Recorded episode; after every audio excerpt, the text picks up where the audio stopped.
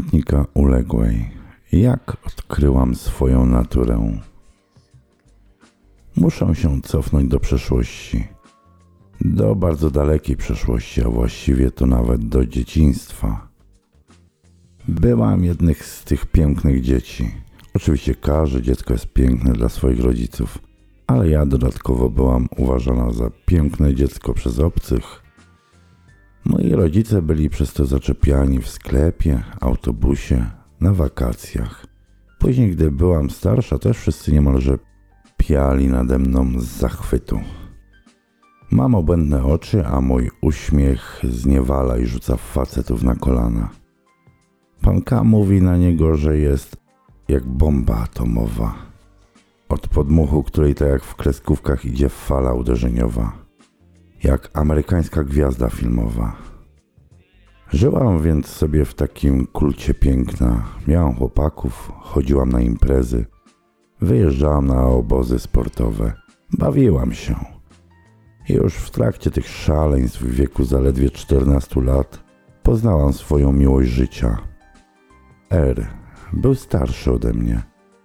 Ta nierówność była też w innych sferach naszego życia, a potem i dalszego losu. Ale jeszcze przed tragicznymi wydarzeniami byliśmy razem w sposób szaleńczy, perwersyjny i bardzo zmysłowy, dziki.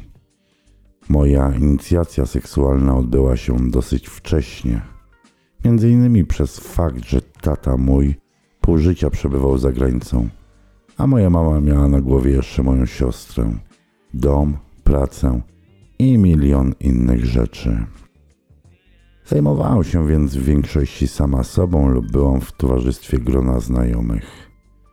Poza tym byłam czarnym koniem, krnąbrna, uparta i narowista klacz. Charakterna i pyskata, wnerwiająca i czupurna. I od tego się zaczęło. Od klapsów.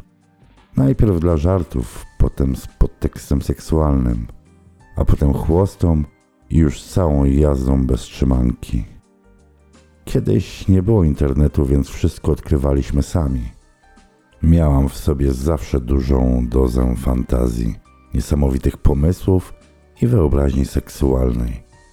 Moje fantazje erotyczne powstawały z minuty na minutę i każde kolejne były bardziej szalone od poprzednich. Opanowałam do perfekcji umiejętności kuszenia mężczyzn. Miałam w sobie dzikość i namiętność, która się ze mnie aż wylewała. Urządzaliśmy klimatyczne seks imprezy i orgie. Byliśmy młodzi, bardzo wyzwoleni i wolni. To wszystko przerwała nagła i dramatyczna śmierć R. Załamałam się, ale tylko na chwilę. Potem zaczęła się dla mnie prawdziwa jazda. Poprzez myślę, którą chciałam przeżyć wszystko razy dwa, bo za siebie i za R. Wszystko było mega intensywne, szybkie, nagłe. Wszystkiego było zawsze bardzo dużo.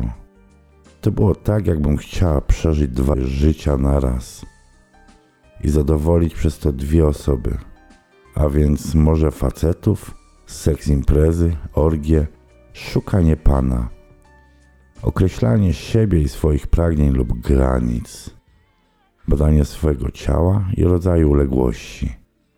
To wszystko przeszłam sama, oddając się czystemu szaleństwu.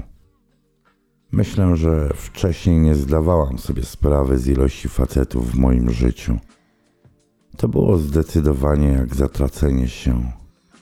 Miałam oczywiście swoje granice, których nie przekraczałam, ale podczas tych zabaw wyłączałam myślenie. Nie zastanawiałam się, co pomyślą o mnie ludzie, bo bawiąc się czułam się wolna i szczęśliwa. I mówiąc szczerze, nie obchodziło mnie to. Do dziś mnie to nie obchodzi. Stałam się libertynką w pełni tego słowa znaczeniu. Jestem bi. Uprawiam swinging i cockload.